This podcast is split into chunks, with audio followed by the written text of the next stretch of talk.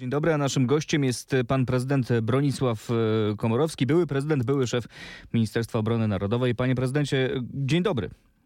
Dzień dobry, witam pana i witam wszystkich słuchaczy. E, panie prezydencie, jak pan e, patrzy na działania prezydenta Dudy, które on teraz podejmuje, no wczorajsze na przykład spotkania z premierem, to co mówił po tych spotkaniach, to pan rzeczywiście wierzy, że jemu zależy na deeskalacji tego politycznego sporu, który no, jest coraz bardziej intensywny? Ja swego czasu przy pierwszym wecie pana prezydenta, które dotyczyło ustawy okołobudżetowej, a więc niesłychanie ważnej, powiedziałem, że pan prezydent rozpoczął wojnę e, z koalicją rządzącą, z rządem. To jest kiepski pomysł na zaistnienie polityczne pod koniec swojej drugiej kadencji. Y, wydaje kiepski pomysł także na, z punktu widzenia potrzeb Polski. Polsce jest potrzebne współdziałanie i prezydenta, i rządu ze sobą.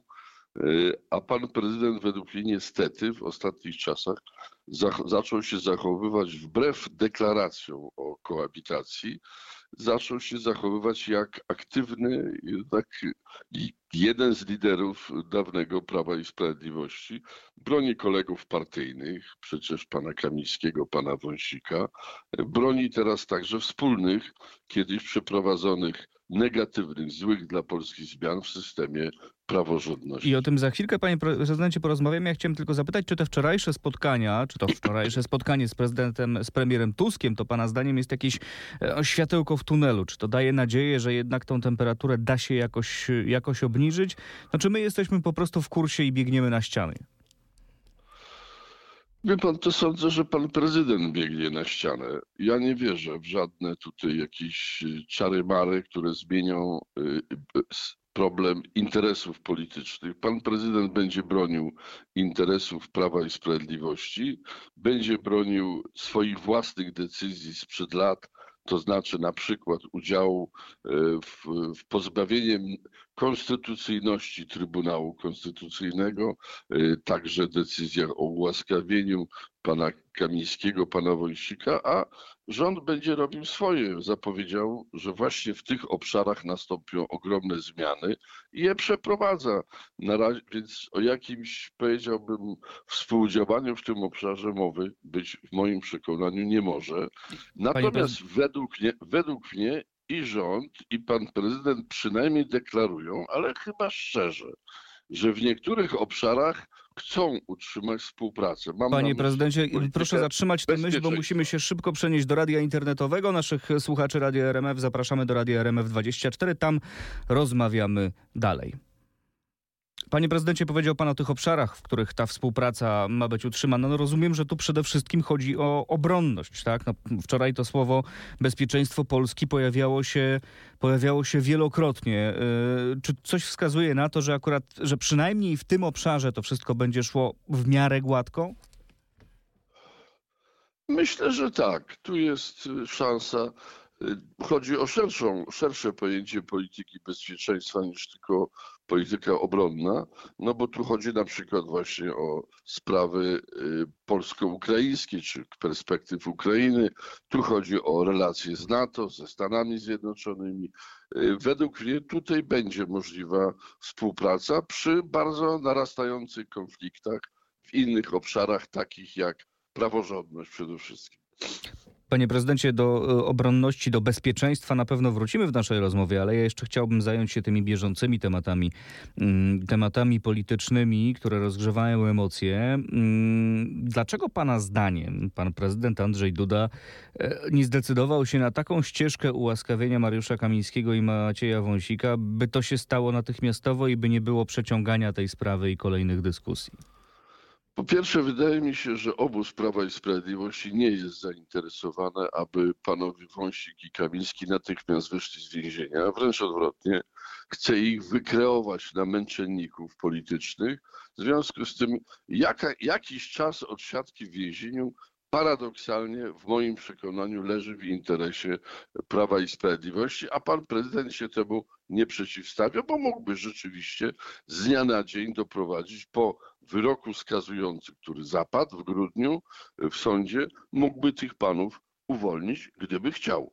To po pierwsze. Po drugie, wydaje mi się, że e, pan prezydent czy ktoś w jego otoczeniu wymyślili taki taki myk, że chcą przerzucić część odpowiedzialności za ułaskawienie na, na rząd, czyli na ministra sprawiedliwości, prokuratora generalnego, no bo to jest rzeczywiście mocno wątpliwe ułaskawianie y, y, y, urzędników wysokiej rangi, którzy przekroczyli uprawnienia, skrzywdzili innych obywateli, sfałszowali dokumenty i tak tak.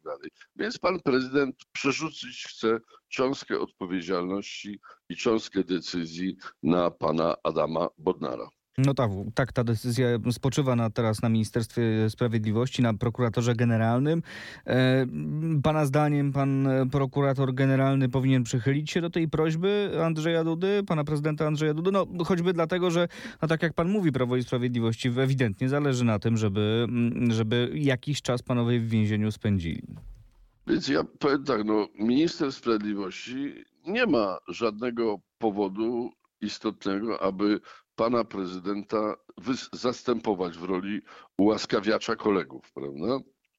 Natomiast może widzieć w tym procesie pewną szansę na, jak to się teraz mówi modnie, na deeskalację konfliktu może tak na to spojrzeć, ale w moim przekonaniu raczej będzie, nie będzie się śpieszył z tą decyzją e, i pozwoli chyba dojrzeć panu prezydentowi do tego, żeby jednak w trybie prostym e, e, przeprowadził sam na własny rachunek i na własną odpowiedzialność ułaskawienie własnych kolegów partyjnych.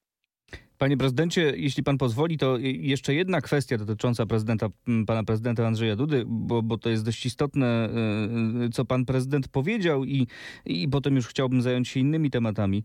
Pan prezydent Andrzej Duda stwierdził, to myślę, że wszyscy słyszeli, ale przypomnę te słowa, e, że mamy do czynienia z terrorem tak zwanej praworządności. Ja mam pytanie, czy pan, jak pan był prezydentem, to czy pan odważyłby się na użycie słów no tak wielkiej wagi jednak mimo wszystko, y, które no raczej ku tej deeskalacji nie dążą.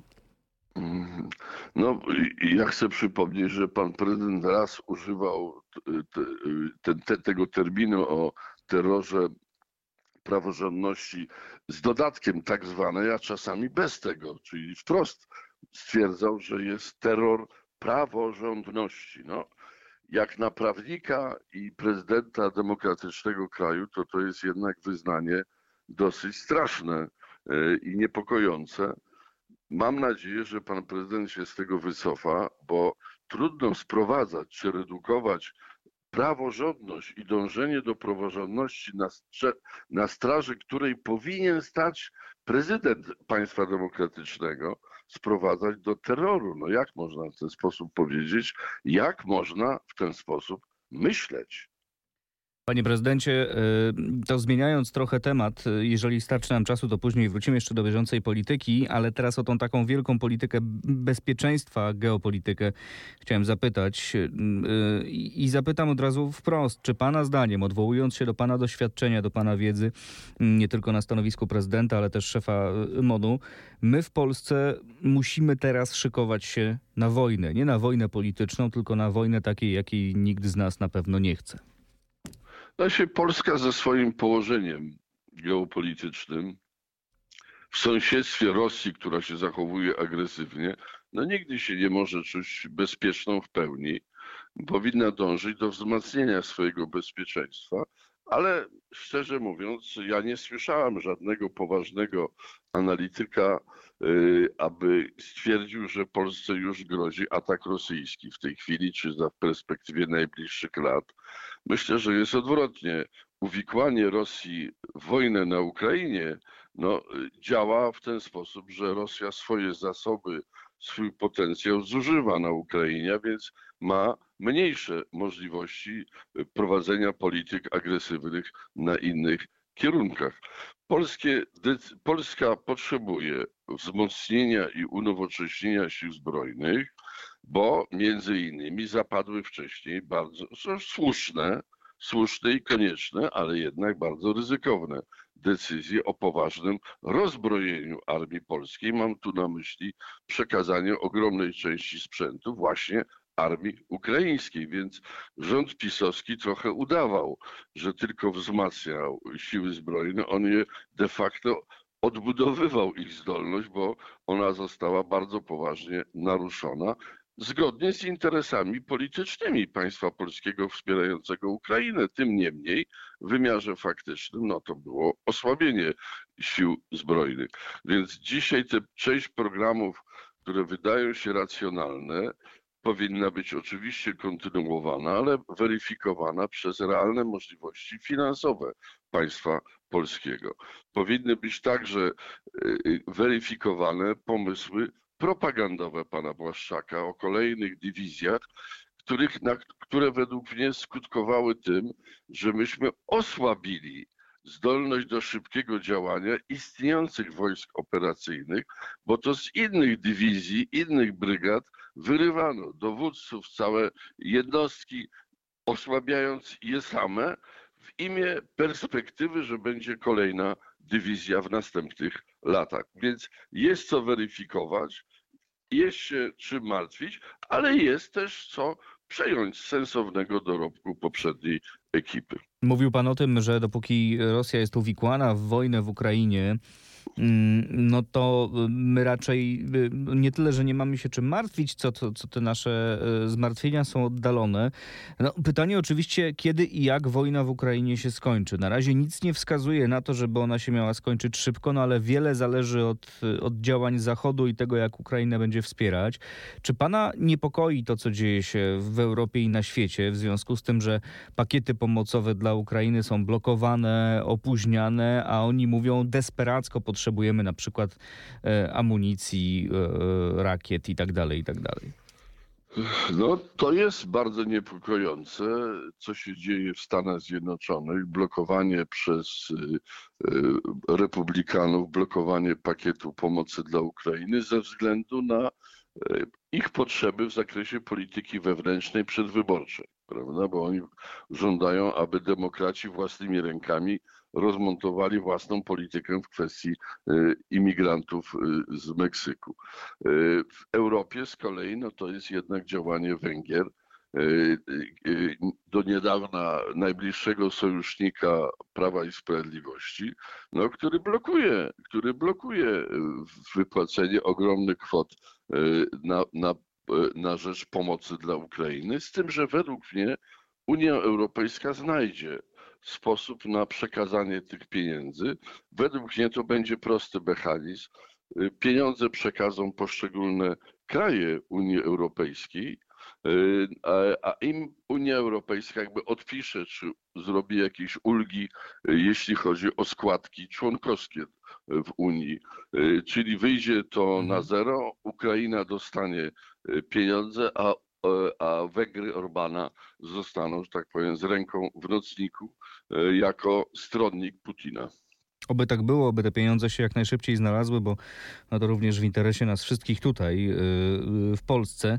Yy, no i wracając do tych polskich interesów, do, do, do tej debaty, która się toczy, bo to jeszcze chciałem zapytać na koniec naszej rozmowy. Panie prezydencie, wiele mówi się i stawia się takie różne teorie o przyspieszonych wyborach parlamentarnych. Niektórzy, również w obozie rządzącym, mówią, że to nie byłoby takie złe, bo wtedy można byłoby nazbierać większość zdolną do odrzucenia odrzucenia weta prezydenta. Pana zdaniem y, to jest moment na podejmowanie takiego ryzyka? Wie pan, ja sam podejrzewałem, że Prawo i Sprawiedliwość może mieć jeden ze scenariuszy politycznych właśnie na przyspieszone wybory y, przy wykorzystaniu Sądu Najwyższego, którego rękach tego sądu, gdzie zasiadają neosędziowie, uzależnieni częściowo przynajmniej od Prawa i Sprawiedliwości, że y, podejmą decyzję o unieważnieniu wyborów ze względu na, na decyzję rządu wcześniejszego o połączeniu wyborów y, z referendum, co było niekonstytucyjne. No ale musiałby wtedy Sąd Najwyższy uznać, że sam Mhm. e, po- e, tak powiem, skręcił tutaj sporo, bo wcześniej wydał odwrotny wyrok. Ale tu o wszystkim rozstrzygają sondaże opinii publicznej. Jestem przekonany, że Prawo i Sprawiedliwość taki, taki scenariusz wcześniejszych wyborów rozważało, ale jak zobaczyło sondaże opinii publicznej, to pewnie im ochota na to przeszła, bo no, sondaże są nieubłagane. W jednych więcej, w drugich mniej, ale w wszystkich tak. Y, Spadają notowania Prawa i Sprawiedliwości i to o ładnych parę punktów. Według mnie będą spadały dalej. No a to oznacza, że każde wcześniejsze, każde wcześniejsze wybory to coraz większe ryzyko popadnięcia y, w jakąś czarną otchłań y, nicości przez Prawo i Sprawiedliwość. A czy w związku z tym tej pokusie organizacji przyspieszonych wyborów może ulec y, koalicja rządząca? Donald Tusk, Władysław Kośniak-Kamysz, mogą, Szymon Hołownia mogą usiąść i powiedzieć, no teraz jest taki moment, że my możemy rzeczywiście dużo na tym zyskać. Czy to Nie, nie, byłby nie, dobry to ruch pana? To nie Hmm? wchodzi w grę w ogóle i nikt tam nie myśli w koalicji. Świeżo koalicja te wybory realnie wygrała, bo odebrała PiSowi władzę. E, Musi się wykazać skutecznością rządzenia, bo inaczej straci część wyborców rozczarowanych jakimiś przewagą gier partyjnych nad potrzebą solidnego rządzenia krajem. Więc myślę, że tam nikt w ten sposób nie kalkuluje. Nie ma takiego, takiej perspektywy, no chyba, że nastąpiłaby jakaś katastrofa. Na- Natomiast wszyscy pewnie myślą z kolei, jakby, a może by się dało przyspieszyć, tak powiem, rozwiązanie problemu prezydenta blokującego i e, e, różne poczynania. No właśnie, o to chciałem rządowe. zapytać. A jeśli prezydent stwierdzi, że w związku z tym, co się dzieje ze zmianami w prokuraturze, z, y, ze sprawą panów Kamińskiego i Wąsika, e, on teraz będzie blokował wszystko, co tylko się da zablokować, wetował wszystko, co się da tylko zawetować, no to wtedy, no to wtedy ta pokusa może być większa. No może, wie pan, ale ostatnio słyszałem wystąpienie pana premiera Tuska, który mówił o tym, że to jeszcze tam, prawda, nieco więcej niż rok. Rok nie wyrok, jak to się mówiło w więzieniu, więc wszyscy przetrzymają. Raczej zwycięży koncepcja przetrzymania pana prezydenta Dudy i wygrania następnych wyborów prezydenckich, tak aby prezydent stał się strażnikiem ponownie konstytucji, a nie rzecznikiem jej naruszania i łamania, aby stał się rzecznikiem także i uczestnikiem budowania porozumienia i społeczeństwa, e, i partii politycznych. Bronisław Komorowski, były prezydent, były szef MON z tym komentarzem dotyczącym najbardziej aktualnych wydarzeń. Panie prezydencie, bardzo panu serdecznie dziękuję za dzisiejsze spotkanie i za Dziękuję uprzejmie. Wszystkiego dobrego życzę. Wszystkiego dobrego.